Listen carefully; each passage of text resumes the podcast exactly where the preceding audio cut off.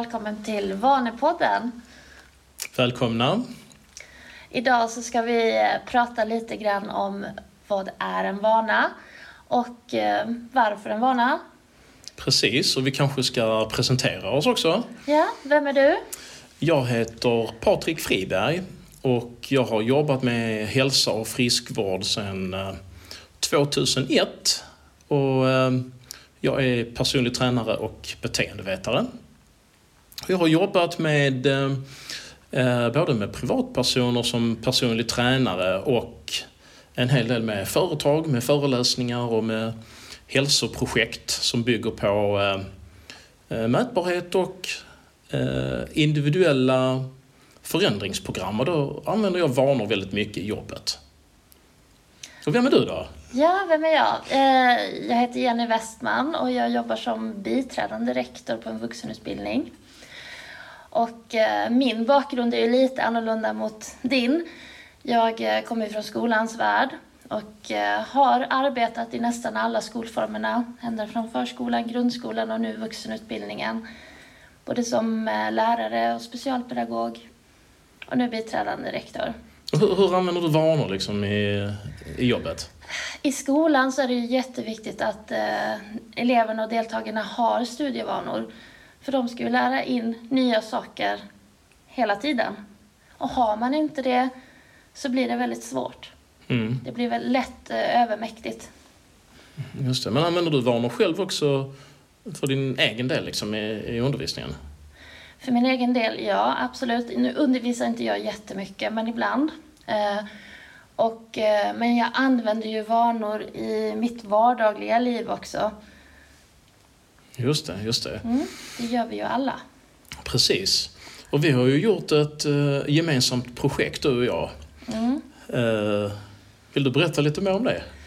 Ja, det var ju faktiskt väldigt spännande. Det är ju nästan ett och ett halvt år sedan vi började prata om detta. Och uh, du spontant frågade mig om, en, eh, om vi ville... Eller du berättade egentligen att du skulle köra ett år. En ny vana, 52 veckor. Uh, och, och jag kände ju direkt att det där lät väldigt intressant. Det lät utmanande. Och uh, vi har ju gjort det. Mm. Vi blev klar förra året, i slutet av förra året. Mm, så vi, vi, vi körde ett helt år med eh, föresatsen att etablera en ny vana varje vecka. Eh, hur gick det för dig? När jag började med det så satt jag och ehm, skrev ner några vanor som man tänkte, ja men de där har jag ju velat lära mig. Så de första 10-15 blev ju ganska lätt att komma på. Men sen eh, kände jag ju att, ah, okej, okay, det får komma lite eftersom. Men sen när jag började med vanorna eh, så upptäckte jag när jag ändrar en vana på morgonen till exempel, då får det ju effekt på andra vanor som redan finns automatiserade precis, i precis. vardagen. Ja. Så då fick jag ju ganska snabbt bortse från listan som jag hade skrivit upp och börja liksom pussla in nya vanor och även ändra på befintliga vanor. Mm, vad intressant. Det är ett helt liksom, pussel med, med vanor som sitter ihop. Ja, så det har varit ett väldigt intressant år och väldigt lärorikt år. Mm. Uh, och uh, vissa saker som man tänker är en vana, till exempel att gå och träna, är egentligen många vanor. Mm. Uh, och det är därför det inte funkar för så många packa väskan och se till att man inte har något annat som kan komma mm. i konflikt med träningstiden och så vidare. Precis, och jag tror att det, det, är en stor orsak till att vanor, att många ser vanor som svåra mm. att förändra i livet är ju att man börjar för stort. Just det. Mm. Och inte bryter ner dem i mindre delar. Mm, det tror jag också. Det tror jag också. Och jag tycker, jag eh, jag lyckades med mer än hälften av vanorna, ett, ett 30-tal som har satt sig riktigt bra under det året. Och ett 20-tal som, som går okej, okay, liksom. Som, som jag fortfarande får jobba med. Mm. För, och då, då märker man ju att Eh, ju svårare en vana är och, och ju mer tidskrävande den är och kanske ju mindre rolig man tycker att den är att utföra även om man liksom vill göra det för att det är nyttigt i det långa loppet. Desto, desto svårare är det att, att få in den och då får man jobba på olika sätt med, med förändringar för att få det att funka. Liksom. Mm. Och det är också en spännande process, liksom en, en felsökning. Absolut. Jag, jag hade ju ungefär liknande tror jag när vi satt där efter året var slut och, och gick Mm. igenom våra vanor. Eh, vissa som var väldigt lätta att få in i livet.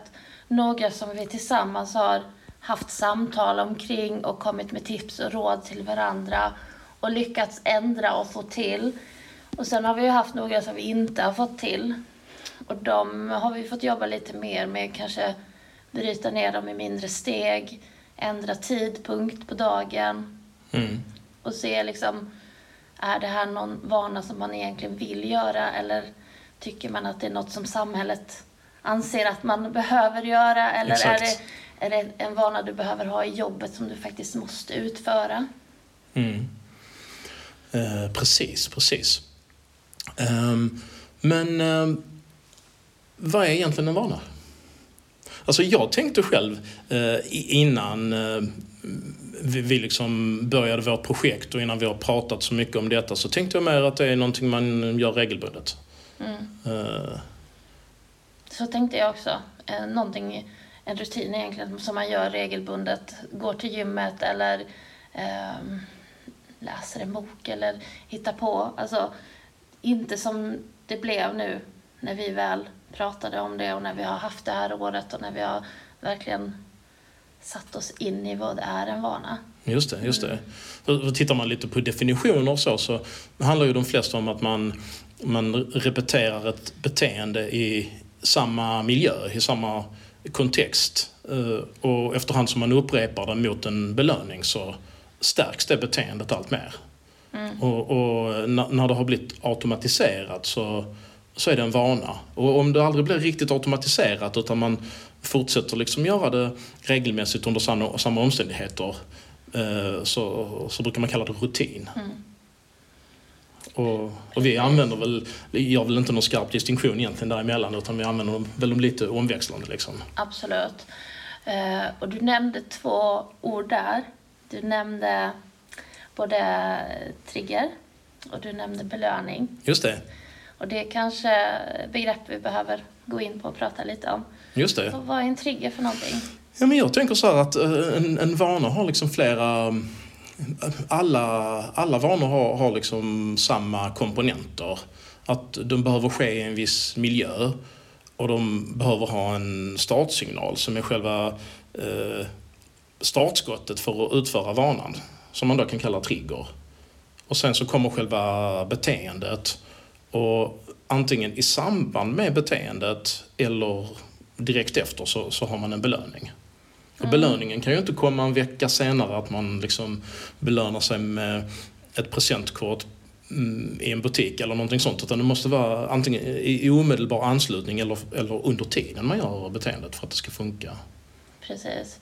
Och båda de här delarna som du beskriver nu har jag inte tänkt på innan på det sättet. Nej. Utan belöning för mig har ju varit liksom, ja men när, när man har utfört det eller när man har lyckats gå ner 10 kilo då kanske man eh, unnar sig en massage eller så går man och köper de där byxorna som man har velat ha eller Exakt. liksom, det har varit en belöning som har varit mer långsiktig. Mm. Eh, och när den är långsiktig så kommer man ju kanske sällan dit också. Mm, exakt. Exakt. Och någonting jag har tänkt på nu mer och mer på sista tiden det är att liksom försöka få belöningen eh, i samband med beteendet.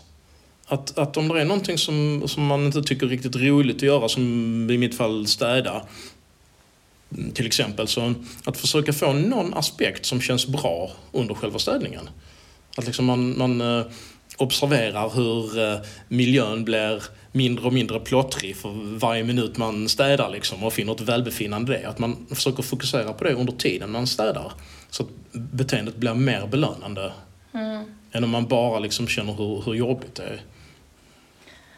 Precis, och att man då kanske, att det blir mer en känsla belöningen än en, en fysisk sak. Mm, exakt. För då om man då unnar sig den känslan så blir det ju lättare att, att faktiskt kunna hålla den och utföra den. Det blir en, det blir en liten del av vanan egentligen att Mm. när man är färdig så kanske man tänker en mening eller tänker en sak eller säger en sak högt. Mm. Lite grann för sig själv att bra jobbat eller Mm. gud vad duktig du är. Exakt, och alla, alla inre belöningar de är ju mer effektiva än yttre belöningar. Mm. Jag kommer ihåg första gången du sa detta och jag bara, nej men herregud. det där funkar ju inte. Massage låter ju så mycket bättre. Men eh, det funkar. Hade, hade du liksom massage som belöning då? När du ja, liksom hade... Ja. Sen har jag ju tagit liksom en massage utan att ha uppnått eh, målet också. Du körde massage oavsett om du Ja. lyckades eller inte? Lite så. Ja. Men, eh, så det var ju ingen bra belöning. Nej, nej. Eh, Men faktiskt, jag var inte helt övertygad när jag fick höra om detta. nej.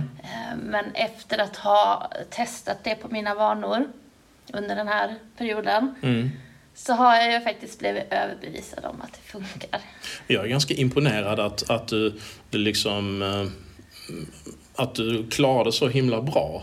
Eh, Jag är ju ändå någorlunda inkörd på det här med, med vanor för att jag har liksom haft det tänket ett tag i, i, i mitt jobb. Liksom. Men eh, du har ju inte haft det riktigt på samma sätt.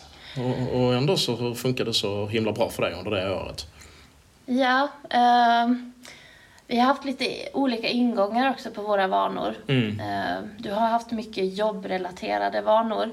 Medan jag nästan inte alls har haft några jobbrelaterade vanor utan för mig har det varit mycket med att ehm, göra positiva saker och förändra mitt, mitt liv egentligen eh, så att jag ska må bra. För att jag, ehm, jag är relativt nyinflyttad i Skåne. Tre år, flyttade ner Mm. under i samband med covid. Min familj bor uppe i Norrland. Så det är bara det här att skapa en ny, eh, ny alltså, vänskapskrets och lära känna Mm. folk. Och, eh, det är ganska tufft att bygga upp Mm, eh, under liksom en pandemi absolut. och i vuxen ålder också. Absolut. Och du har haft flera vanor som har varit så... eh, Du hade någon om att eh, göra något nytt varje vecka, var det inte så? Besöka en ny plats i veckan, det har varit en av mina favoritvanor. Mm. Och det har ju verkligen varit så här att, att det har vidgat både alltså min syn på, på Skåne, men det har inte bara varit så att oh, jag ska åka till, till Helsingborg, utan det har ju varit så här, det kan ju vara att jag går till den parken, Mm. eller jag går till ett annat gym och tränar, eller jag går på den restaurangen. Alltså en, en plats är ju inte en stad. Nej, precis. Mm. precis. Det är en jättebra vana. Jag tror jag ska lägga in den själv också vid något tillfälle. Mm, den har varit riktigt eh, bra och givande tycker jag. Mm. Men man kan ju ställa sig frågan också, varför ska man välja just vanor som metod för sin liksom, livsstilsförändring? Det finns ju andra sätt också att- att förändras på. Liksom. Mm. Precis, vanor som metod. Det är ju det, liksom när du har en vana så blir den ju automatiserad Mm. till sist. Och det tar ju mindre tid av dig, det tar mindre energi av dig när du har fått den automatiserad. Just det. Det krävs ju en del jobb med eh, att bestämma vana och bryta ner det. Vad är, vad är triggern? Vilken plats i livet passar detta in?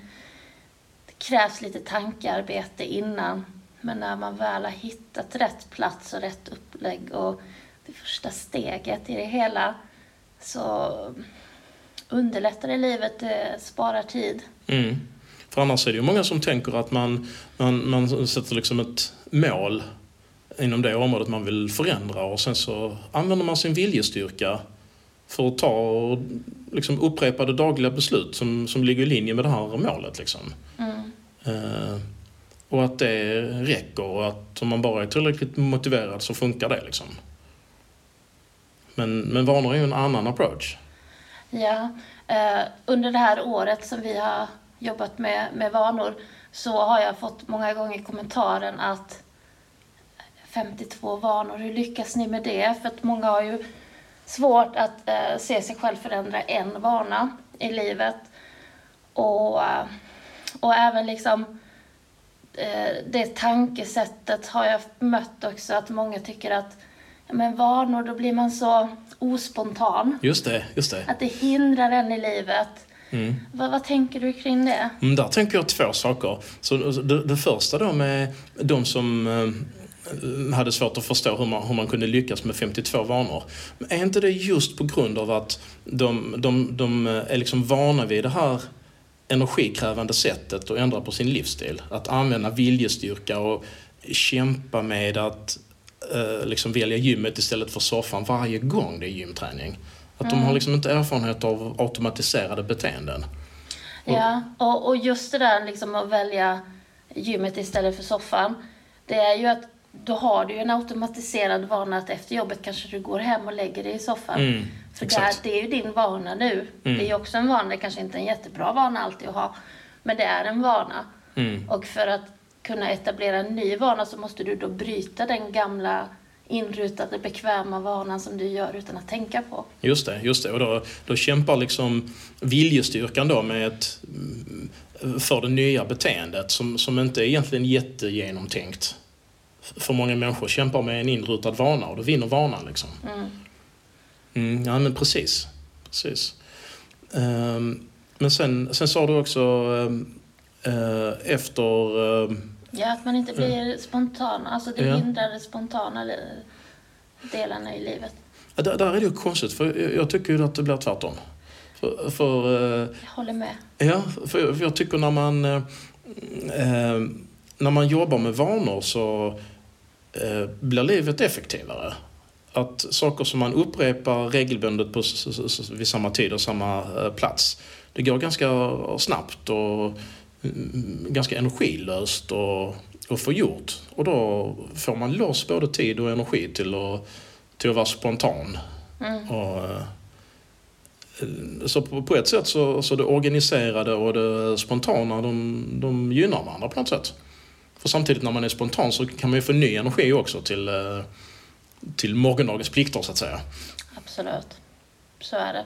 Och jag håller med dig om det. Eh, jag upplever att min spontana tid har blivit mycket större på grund av att jag eh, har automatiserat många delar som man behöver göra i livet som har tagit mycket tid och ibland har det tagit mer tid att tänka på att jag måste göra vanan än att faktiskt göra den.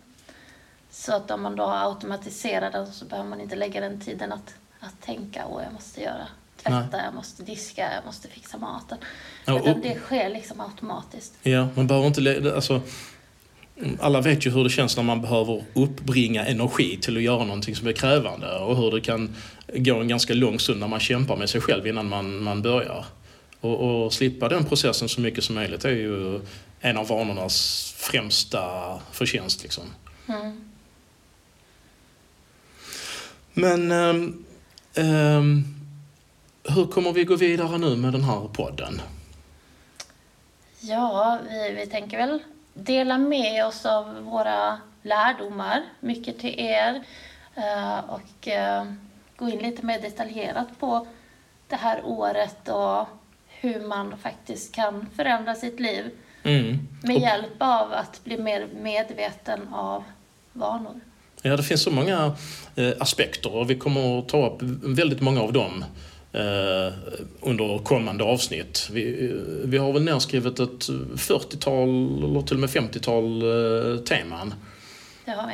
Man kan, eh, vi kommer att zooma in på de olika komponenterna av, eh, av vanor och hur man kan göra dem så bra som möjligt. Och vi kommer att exemplifiera med många olika vanor, träningsvanor och vanor för bättre ekonomi och eh, Det som är bra ändå är att vi har så olika bakgrunder och vi har valt väldigt olika vanor att jobba med under det här året. Så att vi har ju en väldigt bred erfarenhet som vi har skaffat oss. Just det. Just det. Så ehm, ehm, vi får väl passa på att tacka lyssnarna för att ni har varit med oss idag. Mm, tack så jättemycket. Och hoppas ni lyssnar eh, eh, på nästa avsnitt också. Ja, det ser vi fram emot. Okej, ha det bra allesammans.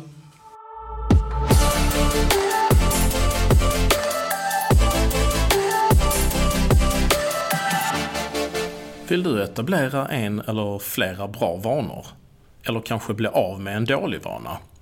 Tveka då inte att ta kontakt med oss på varaktigavanor.se.